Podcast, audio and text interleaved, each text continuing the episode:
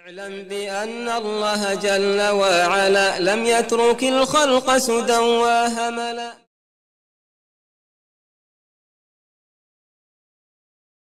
بسم الله الحمد لله الصلاة والسلام على رسول الله استعين بالله لا حول ولا قوة إلا بالله. اللهم لا سهل إلا ما جعلته سهلا وأنت تجعل الحزن إذا شئت سهلا اللهم أرنا الحق حقا وارزقنا اتباعه وأرنا الباطل باطلا وارزقنا اجتنابه ولا تجعل الحق ملتبسا علينا فنضل. اللهم آت نفوسنا تقواها وزكها أنت خير من زكاها أنت وليها ومولاها برحمتك يا أرحم الراحمين. ربنا لا تزغ قلوبنا بعد إذ هديتنا وهب لنا من لدنك رحمة إنك أنت الوهاب. اللهم اجعلنا هداة مهتدين غير ضالين ولا مضلين. نعوذ بالله من همزات الشياطين ونعوذ بك رب أن يحضرون اللهم يسر ولا تعسر اللهم بارك وتمن بالخير أما بعد Sva hvala i zahvala pripadaju samo Allahu, jedinom savršenom, jedinom gospodaru. I samo On svaki vid ibadeta zaslužuje salavat i salam na Muhammeda sallallahu alaihi ve sallame, kojeg Allah posla da ga iskuša i da njime iskuša i da nam pokaže kako se Allahu robuje, kako se njemu ibadet upućuje, kako se sa ljudima najljepše obhodi.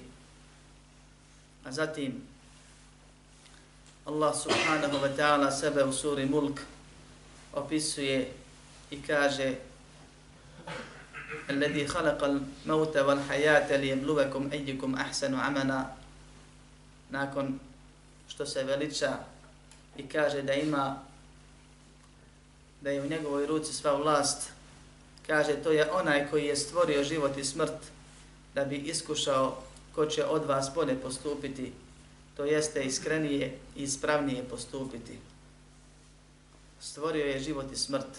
Čiju? Svih stvorenja. Stvorio je stvorenja da bi ih iskušao.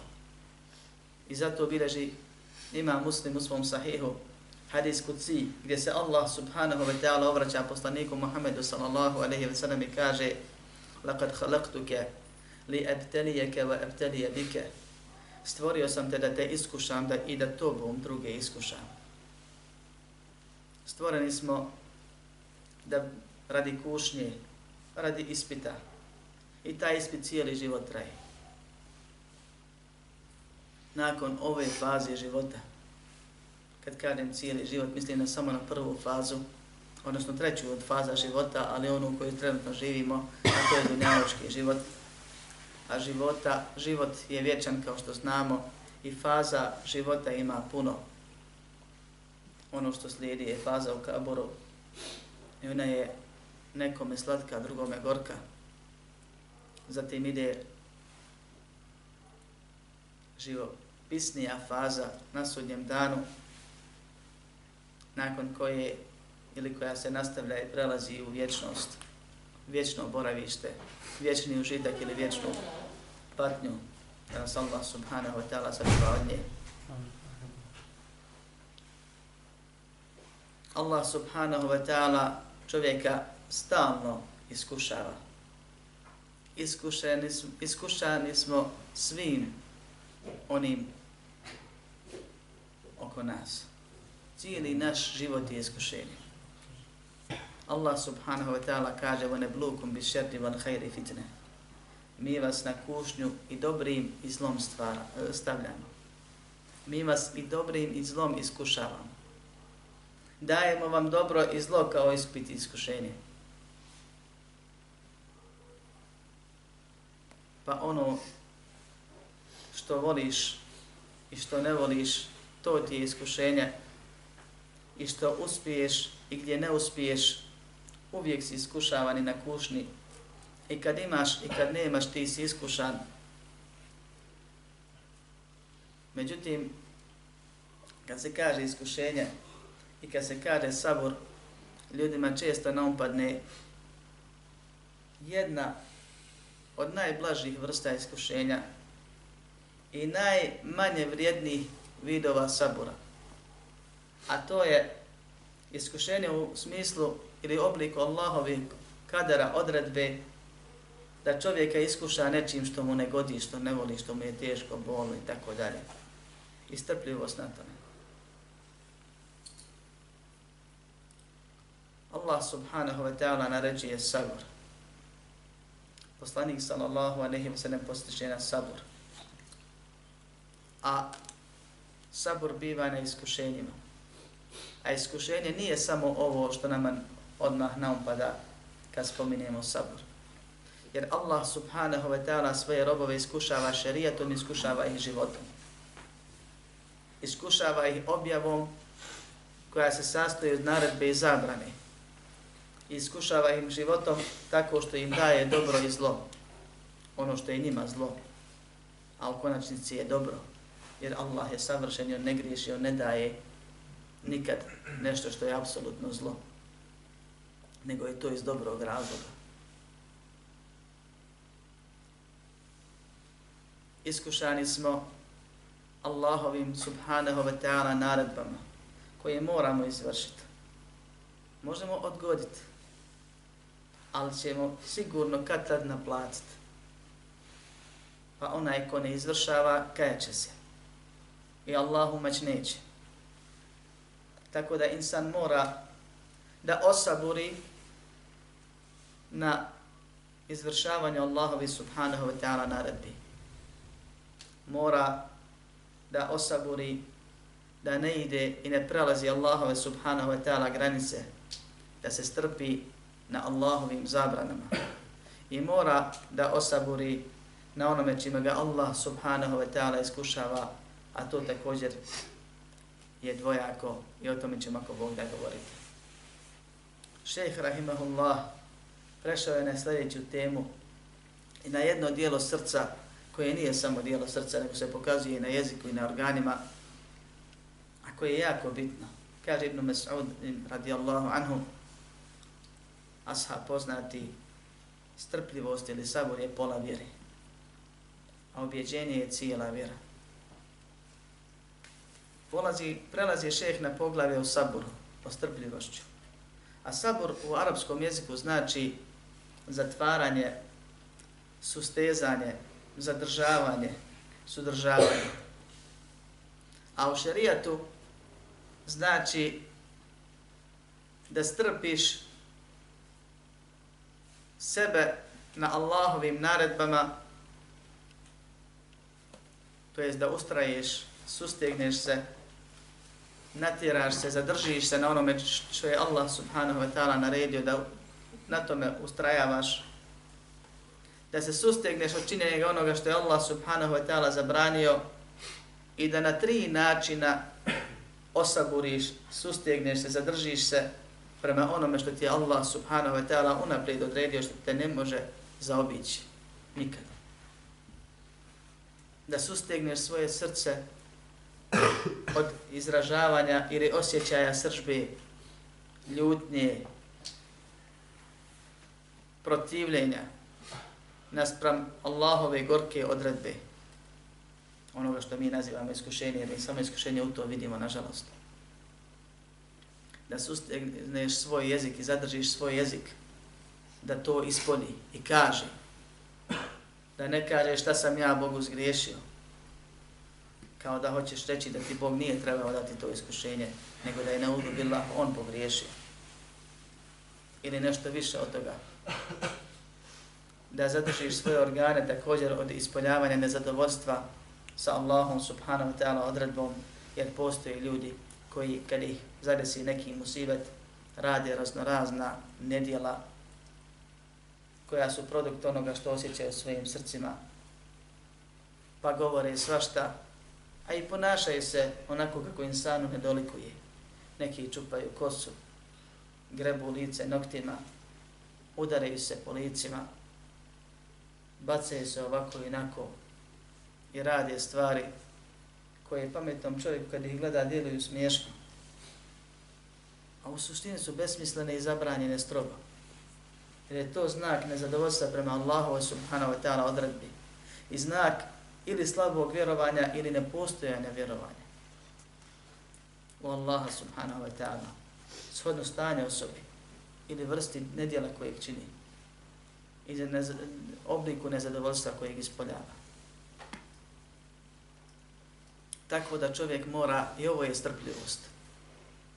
Ako govorimo o strpljivosti na odradbi, samo definisat ćemo ga kao ovo zadnje što sam rekao. Da sustigneš svoje srce od nezadovoljstva, svoj jezik od riječi koje znače nezadovoljstvo i svoje organe od dijela kojima se također iz kojih se razumije nezadovoljstvo. Ali sabur je više od toga i širi od toga. Jer Allah subhanahu wa ta'ala naređuje sabor na izvršavanje onoga što je naređeno, zatim sabor na ostavljanje onoga što je zabranjeno, zatim strpljivost na Allahu subhanahu wa ta'ala odredbi. I ona je najlakša i najmanje je vrijedna u smislu nagrade. Najviše nagrađena strpljivost je izvršna, ona koja čovjeka, gdje se čovjek strpi da i ustraje u izvršavanju onoga što je Allah subhanahu wa ta'ala naredio. Zatim strpljivost na ostavljanju zabrana, zatim strpljivost na Allahovom kaderu, jer tu čovjek svakako ne može ništa promijeniti. Niti je čim doprinio, niti može vratiti vrijeme da nešto izbjegne i kad bi se vratio unazad ponovno isto se ceslo, jer nije on taj koji upravlja svojom sudbinom. Allah subhanahu wa ta'ala da on je savršen, na nama je obaveza da osaborimo, a možemo i još bolje od toga da postupimo, kao što će biti ako Bog da pojašnjeno tokom ovog predavanja za Allahovu pomoć. Zato šeheh naslovljava ovaj, ovo poglavlje sa riječima Allaha subhanahu wa ta'ala, a ne sa nekim. U stvari sa naslovom gdje direktno govori o veličini i stepenu sabora u islamu, a ne samo sa ajetom ili hadisom da mi kasnije izlačimo naslov kao što je u nekim situacijama. Pa kaže bab min al imani billah es sabru ala aqdarillah. Poglavlje od imana u Allaha, od ispravnog vjerovanja u Allaha je da se strpimo na Allahovoj odredbi. Pa kaže da je strpljivost od imana, a Ibn Mes'ud kaže ne, da je to jedan dio, neki ogranak, kako govorili smo šta je iman i da ima svoje ogranke i tako dalje, nego da je to pola vjerovanja. Od imana u Allaha, a vjerovanje kod muslimana, prvih generacija, onih koji slijede u dobro do sudnjega dana, je ubjeđenje bez sumnje. I svaki vjernik je i uvjerenik. Za razliku od nekih sekti koji prave razgled među vjernika i uvjerenika. Pa kaže, može čovjek biti vjernik, a da ne bude uvjeren i ubjeđen. Ubjeđenje srcem, očitovanje jezikom i potvrda dijelima u sve ono što je Allah subhanahu wa ta'ala objavio u Kur'anu ili sunnetu poslanika Muhammeda sallallahu alaihi wa sallam. Dakle, vjerovanje, ispoljavanje, očitovanje i po tom vjerovanju djelovanje. I zaista sabor ulazi u sve tri ove pore. Jer pogotovo sabor, ova treća vrsta sabora koja je tema predavanja, odnosno tema poglavlja, gdje čovjek mora prije svega srcem da ne osjeća nezadovoljstvo i protivljenje Allahu i subhanahu wa ta'ala odredbi. Pored toga što osjeća tugu ili bol i druge osjećaje koji su prirodni i normalni, to ne smeta. Ali mora da bude svjestan da je to Allah dao i da tako treba, jer Allah subhanahu wa ta'ala je bezgriješan, a ostali rade onako kako im se naredi ili kako im se odredi.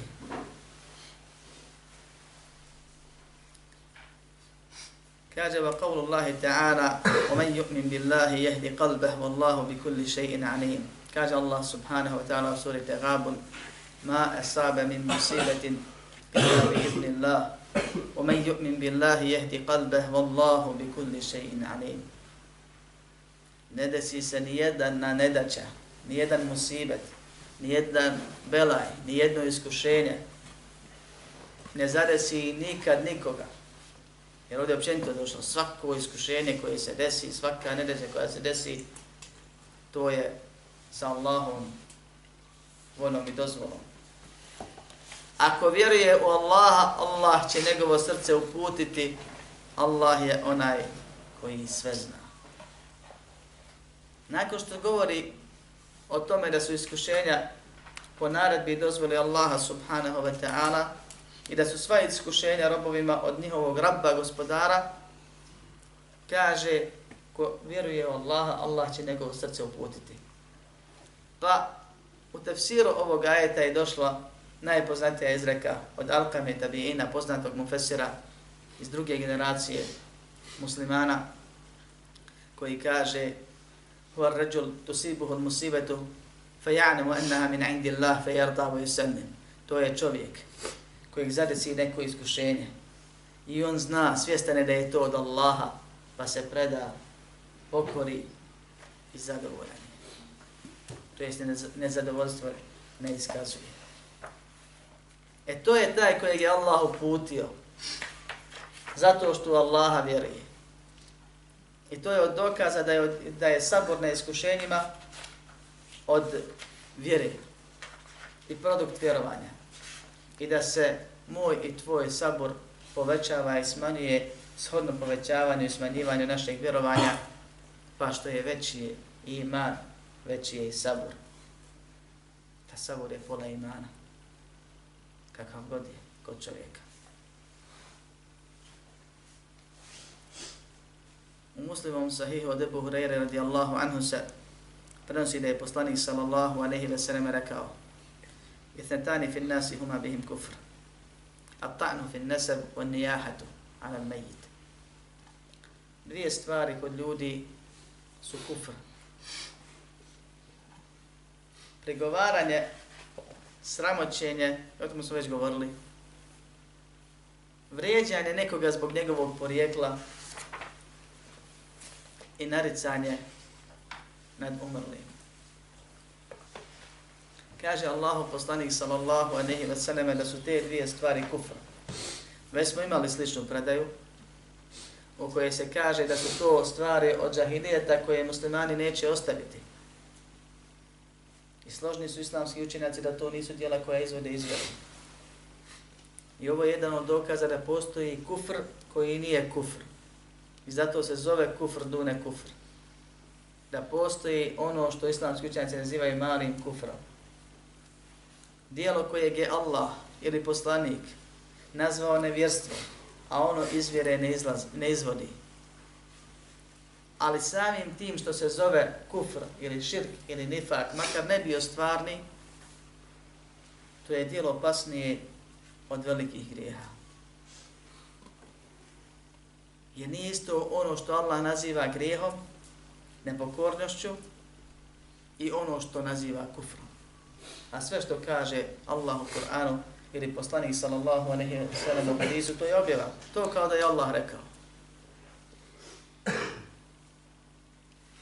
To je jedan od dokaza također za onaj redoslijed kojeg smo davno poredali i naučili da su mali kufr, mali širki, mali nifak opasniji od velikih grijeha Opasniji od ubistva, kamati, bloda, alkohola i tako dalje.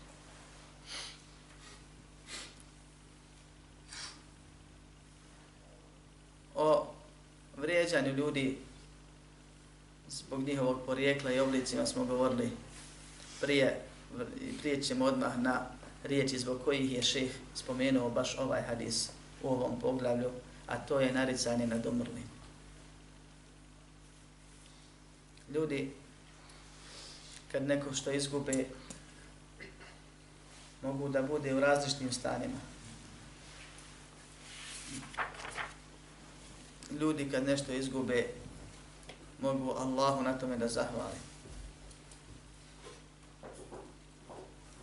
Ljudi kad ih nešto zadesi ili kad nešto izgube ne mogu da urade ovo prethodno, ali mogu da budu zadovoljni s tim ljudi, vjernici, kad nešto izgube, moraju na tome da osabure, da se strpe. I ljudi kad nešto izgube, mogu da se nedolično ponašaju i da gospodara svoga srde ili vrijeđe. Da nariču, da plaču, da oplakuju, da vrište, da cijepaju odjeću, da se bacaju po tabutu, po sanduku, da rade ono što se radi na dženazama i sahranima ili u kući umrlog. Što mi vidimo i znamo. O stvari kojima se govori, iz kojih se vidi da ta osoba nije zadovoljna Allahovom odredbom. Da ta osoba ne izgled bi pomislio kad ga gledaš da, da će sebi život uzeti koliko mu to smeta, koliko se ljuti, koliko ga to boli. Onda može on bi sigurno to ispravio i prepravio i promijenio. Ali se hvala Allahu ne pita on ni ja ni ti. Nego je to dijelo savršeno koji ne griješi i koji radi šta hoće. A mi možemo da radimo samo onako kako nam on dopusti ili naredi. Jedan od tih oblika je narikača, osoba koja ili iskreno ili je pak unajme da spominje i oplakuje mrtvog spominjući njegove lijepe osobine i žaleći u smislu ti si nas dosad obskrbljivao ko će sad, šta ćemo mi bez tebe, šteta pa mlad ode i tako dalje. I to nije svojstveno samo religijama drugim, ne islamskim. To je kod nas prisutno, samo se termini i načine razlikuju. I dešava se da čovjek upozorava svoje najbliže, pogotovo roditelje koji nisu ispravno podučeni navakad. I nakon dužeg razgovora, neki znaju reći i priznati, pa dobro kaže, šta će reći svijet ako ja? Reći će narod da, ti nije, da mi nije žao. A vidiš da tu ima i neiskrenosti, tu ima i glume. Što je još gore. Ali jednako opasno. Grije je grije. I došla je prijetnja poznata o kojoj smo govorili upravo za narikaču. Šeh je ovdje spomenuo prvo naredbu i dokaz da je sabor od imana, a zatim odmah primjer dijela koje je nazvano kufrom. Podrazumijeva se da je grije, a o kome se govori ili pokazuje vid nesabura. Ono što je zabranjeno, ono što je suprotno islamskom ponašanju. Muslimanu je dozvoljeno da tuguje. Pa i da posti koju suzu i to je dozvoljeno. Najbolje stvorenje, primjer svim vjernicima, uzor, Muhammed sallallahu alejhi ve sallam, kad mu je umro sin Ibrahim, pustio je suzu. I dvije, i tri. Pa kad mu je rečeno o Allahu poslanice, šta je to? Kaže, to je milost koju je Allah usadio u srce vjernika i srca robova. Rekao je, oko plače, srce tuguje, ali ne kažemo osim ono što zadovoljava naše gospodara, s čim je naš gospodar zadovoljan. Žao nam je što se s tobom rastavimo, Ibrahim. Ali ne kažemo ono osim, osim ono što je gospodar zadovoljan. Ne kažemo što ode mlad, gdje si, šta si, kako ćemo sad i tako dalje. Ne ukažemo Allahovi smo, Allahovi smo i njemu se vraćamo ili tome slične stvari. Riječi sabora, riječi tevhida. Alhamdulillah, još više, još bolje ko može. I tako dalje, i tako dalje. Nama je, braćo moja, propisano kad dobijemo nešto što nas raduje da kažemo, mi to svi znamo, odmah kažemo direktno, Alhamdulillah. A kad nas zadesi bela, šta ne nego bi se? Alhamdulillah, alhamdulillah. Opet alhamdulillah. Što? I prvo i drugo je ispravno 100%. I prvo i drugo daje savršeni koji ne griješi. I onaj belaj koji mene zadesi u tom satu i toj minuti, toj sekundi, i toj obimu i količini i vrsti, upravo mi tad odgovara da mi ga je savršeni da, on ne griješi. A da ne govorim o tome da nakon jednog iskušenja Allah daje duple olakšice i druge stvari o kojima ćemo inša Allah nekad govoriti.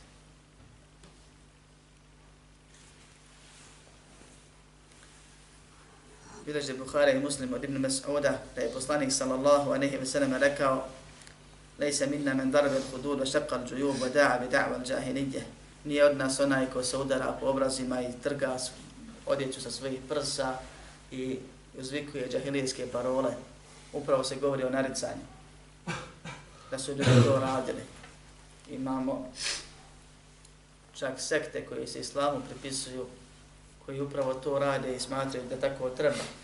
I obilaze koje kakva turbeta na mauzeleje svojih imama i vidiš ih po pijaci hoda i normalno kupuju, žive svoj život, smiju se i kad onaj na mikrofon poviće stan ured, jednom počnu svi da plaču, da se po obrazima lupaju, da se bacaju i tako dalje, dok ne prođu to svoje i ponovno se vrate u normalan život. A to se trenira godinama. Nije od nas, kaže Allah, poslanik sallallahu alaihi wa sallam. Riječi nije od nas, su riječi kojima se u osnovi opisuje dijelo velikog grijeha.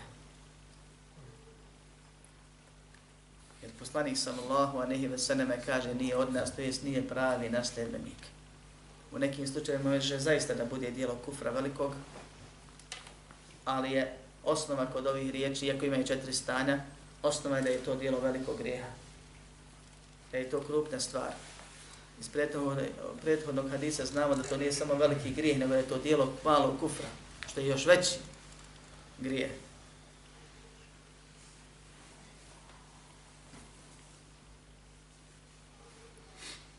Od Enesa radijallahu anhu se spominje da je poslanik sallallahu anehi ve sallam rekao إذا أراد الله بعبده الخير عجل له العقوبة في الدنيا وإذا أراد بعبده الشر أمسك عنه بذنبه حتى يوافي به يوم القيامة kad Allah subhanahu wa ta'ala hoće svome robu dobro, ubrza mu kaznu za grijeh na dunjaluku. Iskuša ga na dunjaluku. A kad Allah subhanahu wa ta'ala hoće svom robu zlo, koje on zaslužio, je to neko zlo koje Allah od sebe daje. Ostavi tu kaznu za grije, da je u potpunosti, kaže, bude isplaćen na sudnjem danu. Ovaj hadis i hadis nakon njega ima razilaženje kod islamskih učenjaka u vjerodostojnosti ta dva hadisa.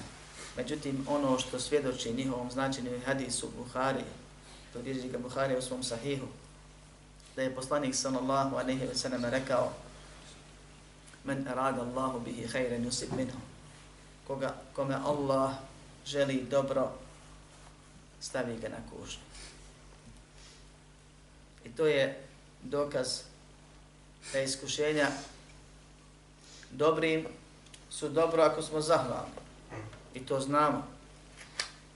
Ako nismo, onda je to svakako bela, jer se iskušenju može položiti past i da iskušenja koje nam najzle djeluju zl, zlim, lošim, ružnim, teškim, da su i ona dobro.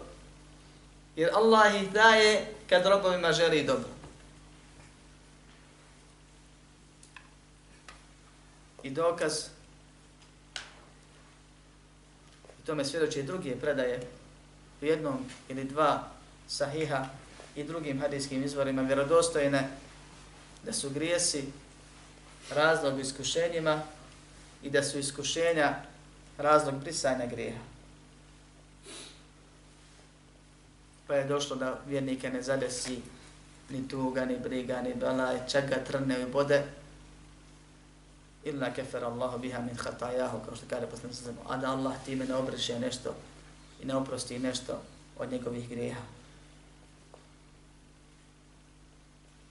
I ovo je odgovor na bitno pitanje kad se govori o strpljivosti. Zbog čega mi moramo da budemo strpljivi na iskušenjima? I zbog čega Allah kažnjava vjernike ako ih voli? Zbog čega Allah iskušava vjernike ako ih voli? Allah kaže u Kur'anu da voli vjernike. I Allah voli svakog vjernika onoliko koliko je vjernik.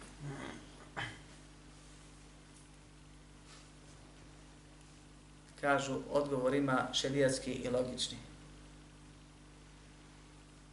Kad neko vidi dalje od drugoga, recimo prvo na ovo, jer za šerijatski grad vremena, kad neko vidi dalje od drugoga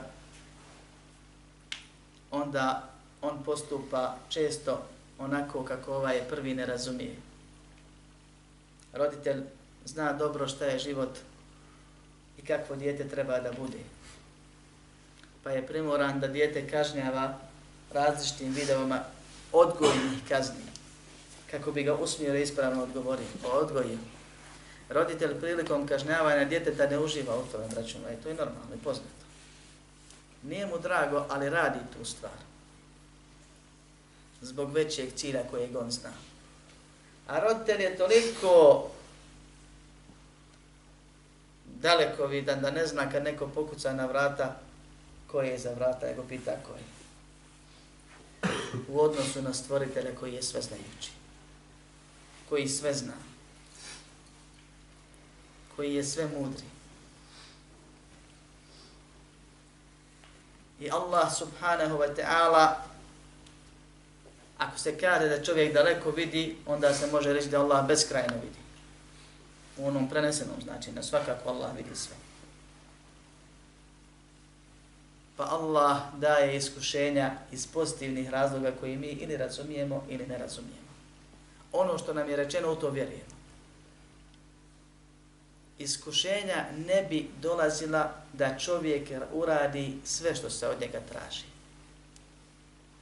Ako bi čovjek bio u potpunosti izvršio sve naredbe i nikad ne uradio ni jedan grijeh, takav čovjek ne postoji, niti će biti, ne bi ga Allah iskušavao osim iz jednog razloga, a to je posebna stvar, specijalno iskušenje.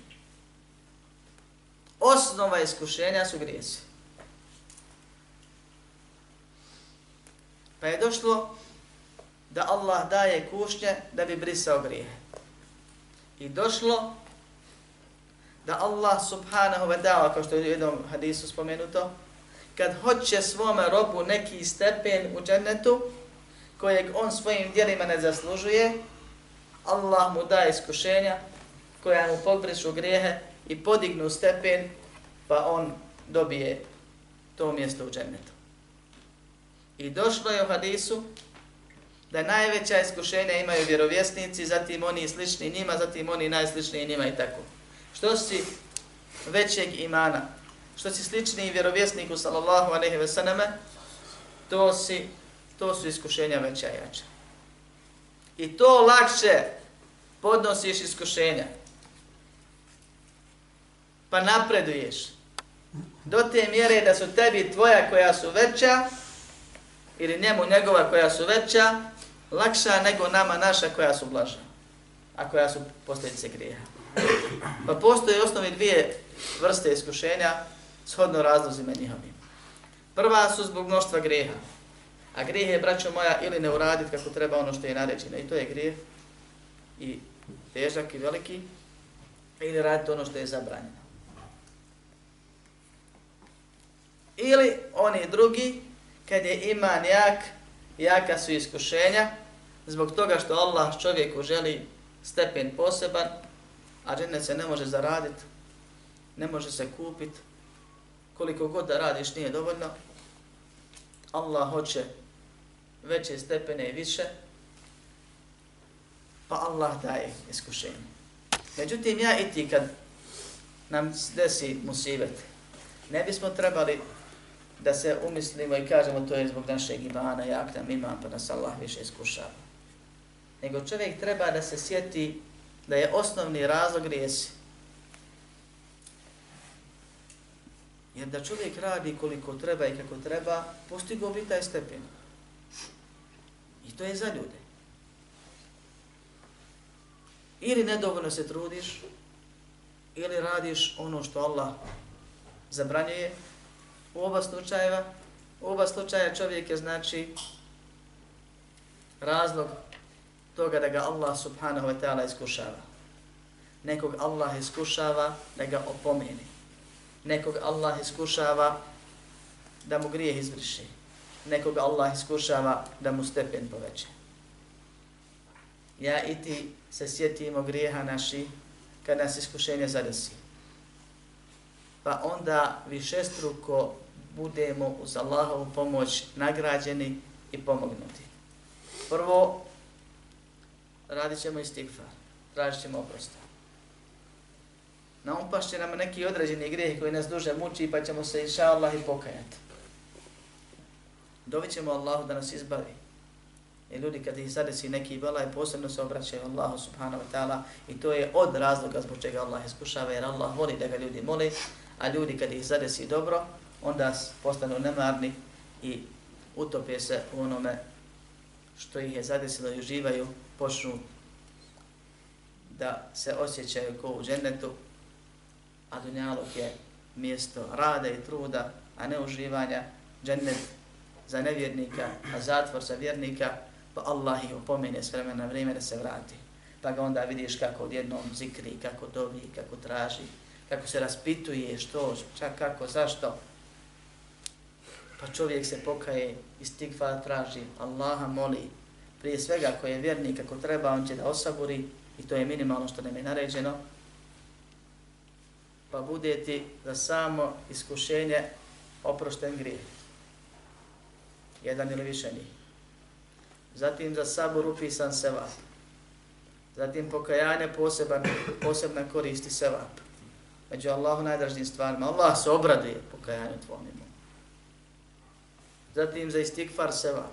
Zatim za dovu i ono što ćeš se kad se malo opametiš, iskontaš kako si počeo imanski da toneš, pa radiš neko posti, neko klanja, neko Kur'an uči, više neko spominje, sve su to se vapi posebni.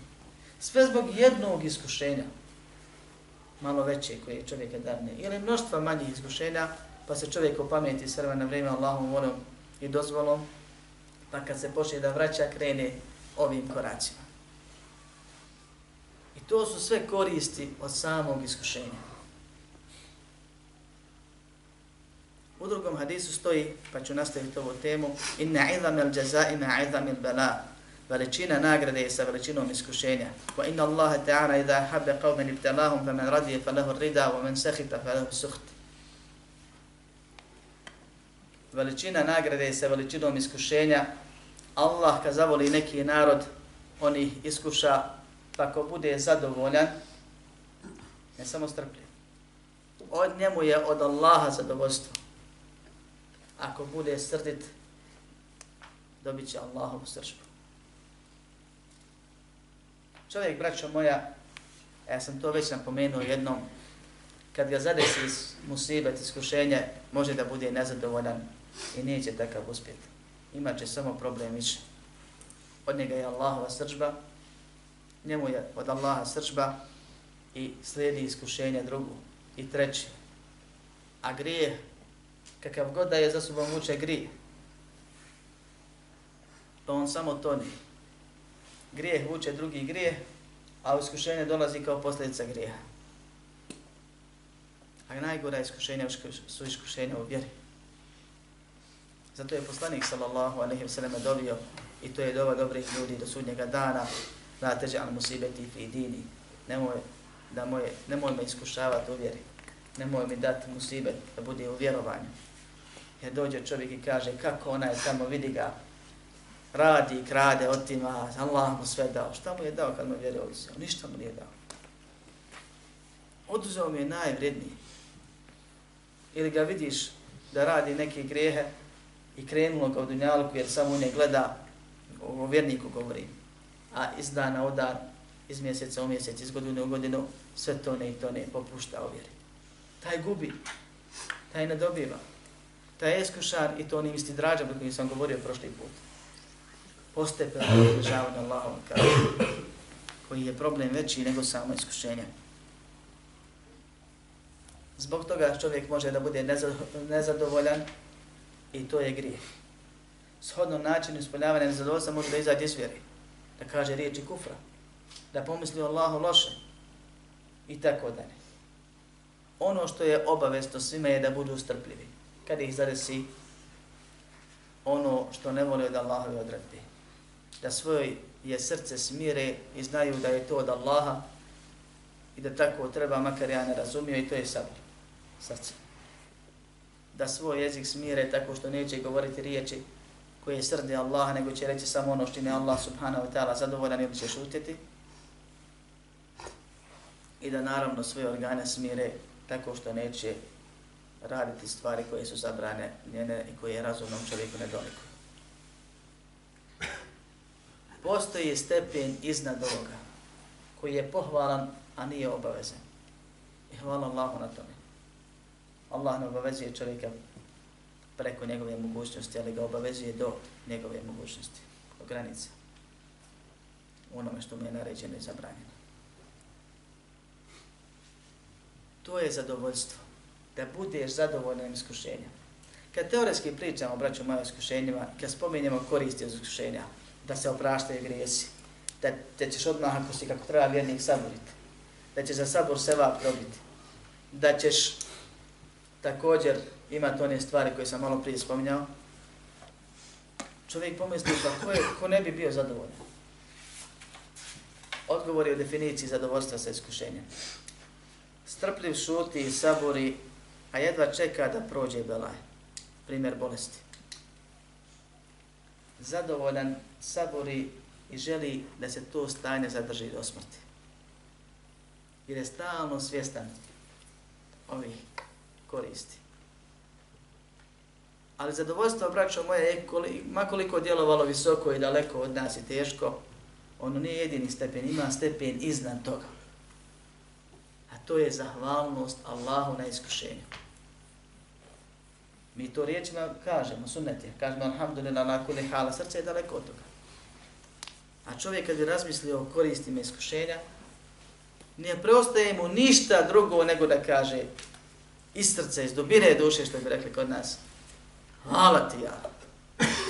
Neko ovo traje koliko ti daš i odrediš i hvala ti što si mene odabrao za ovu stvar. Što si me opomenuo. Pa sam se svojih grijeha sjetio, svoje slabosti i ovisnosti o tebi. Što si me vratio. Što si me grijeha oprostio, samo ti znaš koliko ovim iskušenjem.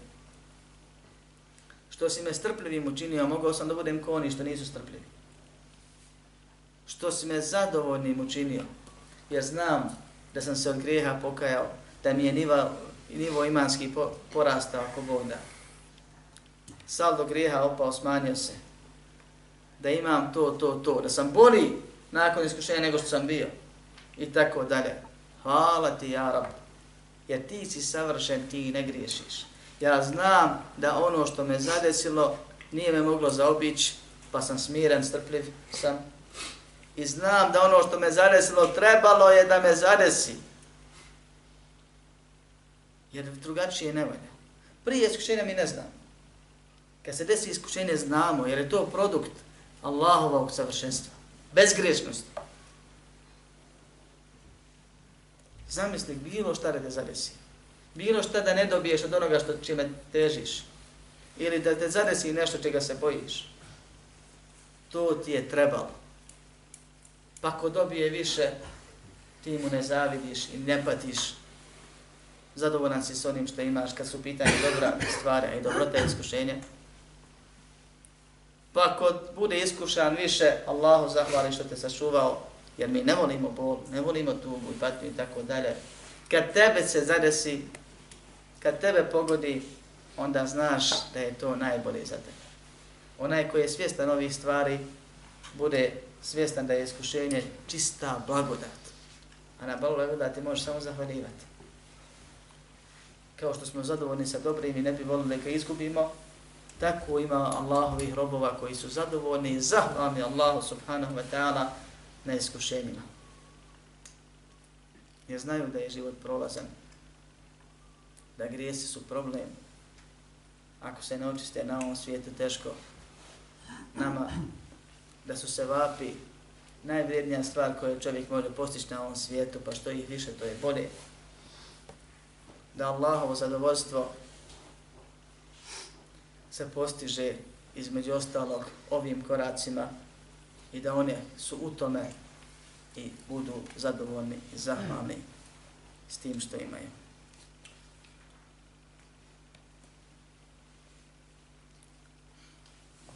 To je ono što je Allah subhanahu wa ta'ala dao da se kaže o ovoj temi, a tema je opširna. I svaki puta kad se govori o ovoj temi, mogu se spomenuti druge stvari.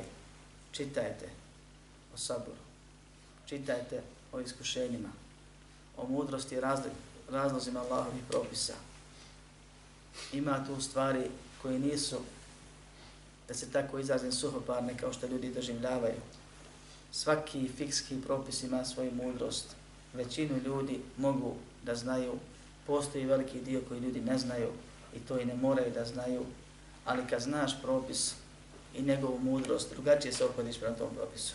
Ja sam mogao prokomentarsati ove poglede, reći ovdje je dokaz ovim ajetima hadisma da čovjek mora biti strpljiv, a može čovjek biti zadovoljan i zahvalan. I tu stati. Međutim, kad znaš zbog čega dolaze iskušenja, onda sebe preispita, preispitivaš. Kad znaš da je Allah savršen da ne griješi, kad svjestan toga, mi svi vjerujemo u Allahu savršenstvo, onda drugačije se to iskušenje kad te zadesi doživljavaš. A poslanik sallallahu alejhi kaže zaista je strpljivost pri prvom udarcu. E ti pri prvom udarcu bivaš svjesniji i lakše podnosiš te stvari. Ljudi se boje, braćo moja, postoji grupa ljudi koji kažu ne mogu ja i neću ja sve te sunnete da primjenjujem, iako je moguće primjenjivati, ovdje citiram čovjeka kojeg sam čuo, ili nekoliko njih. Zato što ja se bojim, znam da što veći ima, veća su iskušenja i mene kaže, želim da ostanem na ovom nivou. A ne zna jadnik da su ta veća iskušenja i teža iskušenja lakša onome koje je većeg imana nego ona slabija. Lakša i slađa. I dovode na kraju do ovog stepena da bude zadovoljan, da želi da ostane s njima. I ne samo da bude zadovoljan, da bude zahvalan. Što slabi iman, teže se podnose lakša iskušenja. Što jači iman, lakše se podnose teža iskušenja. A veličina nagrade je sa veličinom iskušenja. I pored toga, spomeni se da je poslanik sallallahu alaihi ve sellem prošao pored čovjeka koji je imao također karakteristično loš, lošim stanju. Pa ga je pitao, šta si ti Allahu dobio? Kaže, dobio sam da mi za svaki grijeh kojeg sam ja zaslužio kaznu na ahiretu da je ubrzan dunjaluku.